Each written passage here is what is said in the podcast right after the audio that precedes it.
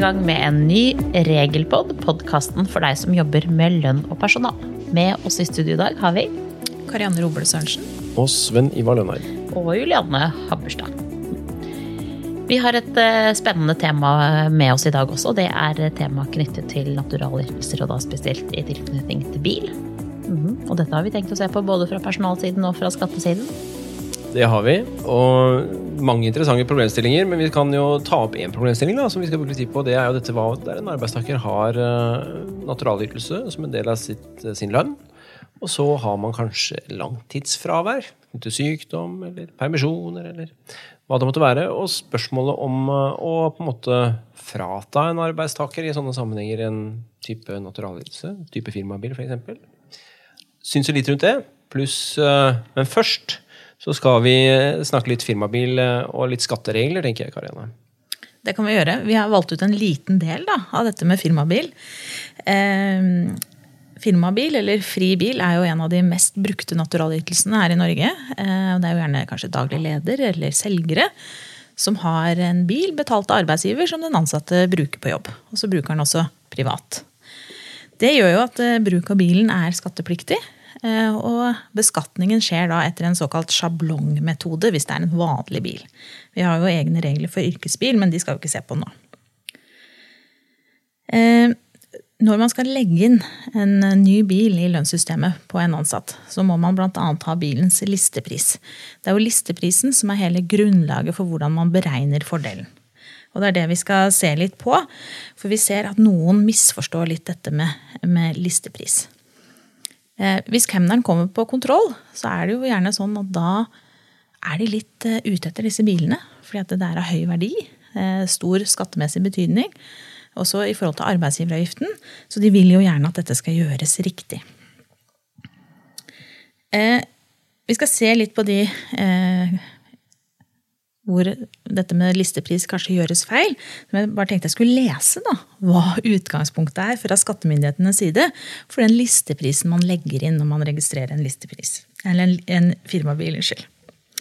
Bilens listepris som ny settes til hovedimportørens listepris for vedkommende bilmodell, inkludert moms og vrakpant, men eksklusiv frakt- og registreringsomkostnader, levert på importstedet på tidspunktet for førstegangsregistrering hos Statens vegvesen trafikkstasjon.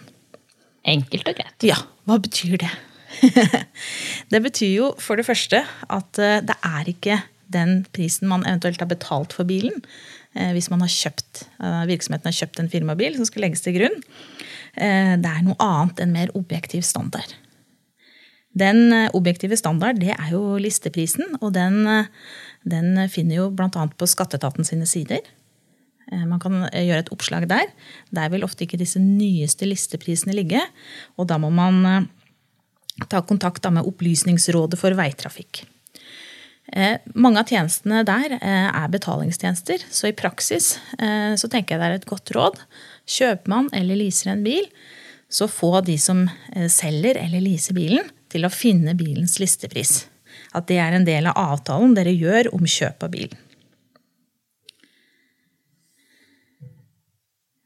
Hvis man leier en bil eh, for en periode, eller man leaser en bil for en periode, så er det akkurat samme regel som gjelder. Man må finne bilens listepris. Jeg ser det er en del som eh, har misforstått dette litt, spesielt hvis man for en to, tre eller fire måneders periode eh, leier en bil, typisk i påvente av en ny bil og den type ting, at man kun skatter av hva det koster å leie bilen. Det er ikke helt riktig.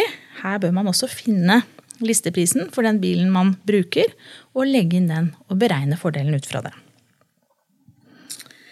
Har man ansatte i utlandet som har fri bil, da er det eh, opprinnelig listepris som ny i oppholdslandet som legges til grunn.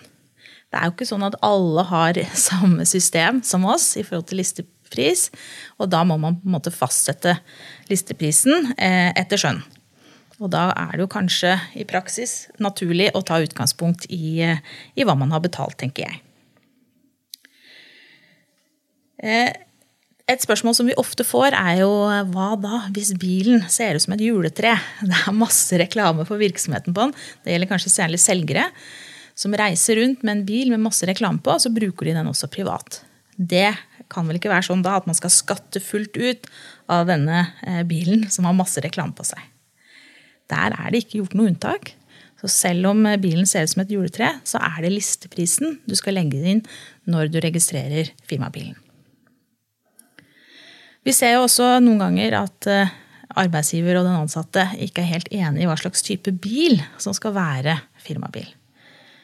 Eh, på den ene side kan det være arbeidsgiver som ønsker at den ansatte skal ha en litt sånn fin, fancy bil som ser godt ut utad. Og så må den ansatte da skatte av denne dyre bilen, som man kanskje strengt talt ikke trenger privat. Der er det heller ingen unntaksregler.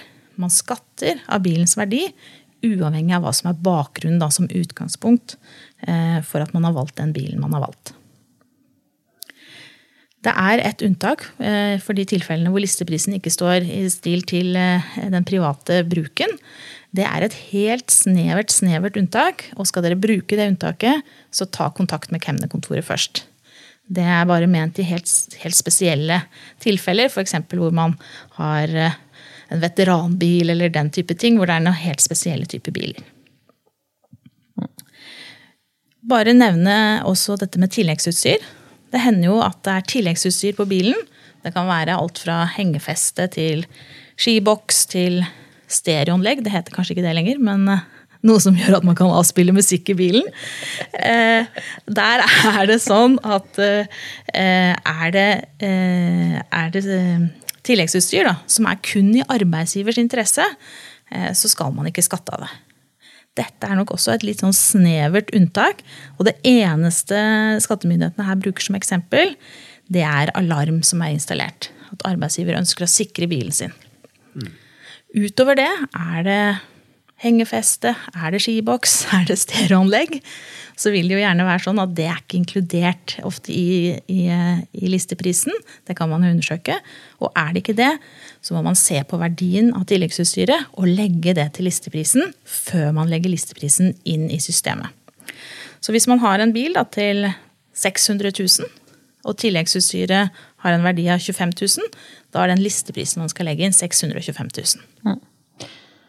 Men det er jo ikke bare Vi får jo veldig mye spørsmål knyttet til firmabil. Eh, og det er jo ikke bare disse tingene du tar opp nå som man er litt sånn usikre på, både på arbeidsgiver og på arbeidstakers side. Eh, det er jo mange spørsmål som dukker opp knyttet bl.a. til hva skjer når man er borte lenge, hva skjer hvis jeg skader bilen, den type problemstillinger. Så vi tenkte vi skulle se på noen, noen sånne også på tampen her. Mm. Mm.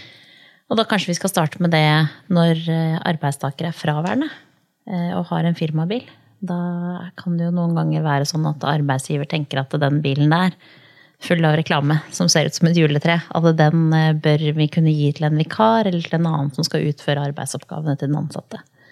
Mm. Og så ønsker arbeidsgiver også å omdisponere bruken av bilen. Eh, og kan arbeidsgiver bare gjøre det? Ja, det er eh, ett råd å gi da, tenker jeg, til arbeidsgiver hvor dette er en problemstilling. Og det er jo å regulere det i kontrakten og regulere det i forbindelse med at man får en firmabil. Ja, som er en issue i dette tilfellet. Mm. Å lage en regel som f.eks. sier at ved langtidsfravær, og der arbeidsgiver skulle ha behov, så skal f.eks. firmabilen stilles til arbeidsgivers disposisjon etter eh, oppfordring fra arbeidsgiver i det konkrete tilfellet. Mm. Jeg tenker også at det er veldig nyttig å få avklart det i det på en måte, enten man inngår en avtale, arbeidsavtale hvor firmabil henger med, eller det firmabilen overgis til den ansatte. Eh, fordi det er klart at det, Som følge av den beskatningen som foregår, da, så er det jo mange ansatte som bare har den ene firmabilen, og hvor det tillates at den disponeres privat og i ferier og den type ting.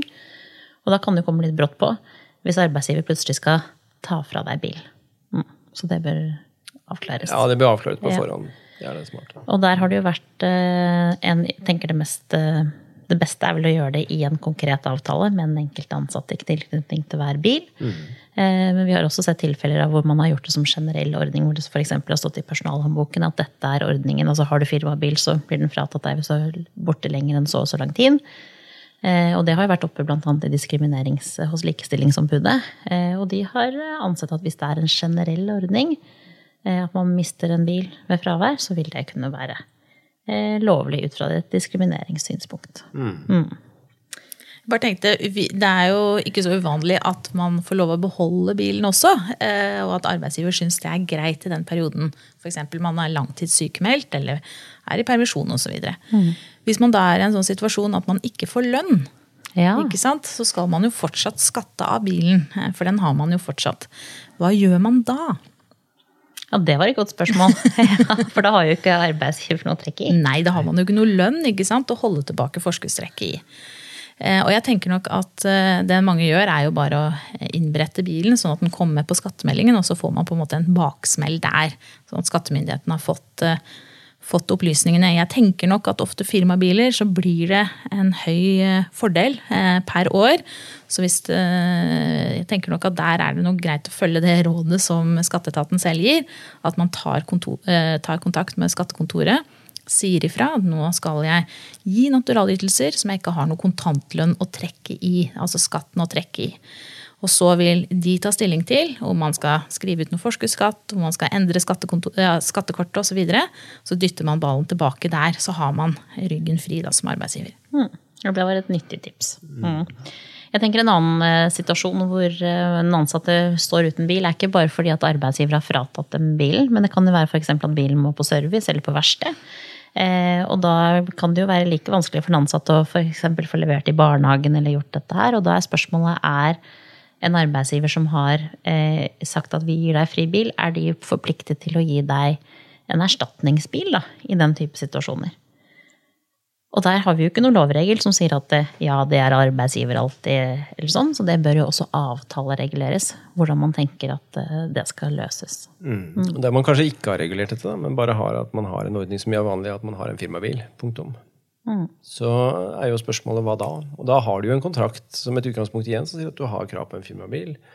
Og da tenker jeg et tips til arbeidsgivere må jo være å få med i sin forsikring at ved, i de tilfellene så plikter forsikringsselskapet Eller de dekker da eh, ikke sant, en erstatningsbil i sånne tilfeller som man da kan utstyre arbeidstakeren med. Ja, det vil være det aller letteste selvfølgelig for arbeidsgiver. Slippe å komme i, i noen sånn skvis der. Og fra skattesiden så er det jo helt klart at den situasjonen er, skatter man jo av da i utgangspunktet, så det vil jo ikke innebære noe ekstra skatt om arbeidsgiver tar den kostnaden. kostnaden. Et annet spørsmål som vi kanskje får eh, oftere inn på personaltelefonsupporten eh, enn det du får på, på lønn- og skattesupport, det er jo dette når arbeidstaker har skadet bilen. Ikke sant? Eh, og hva da?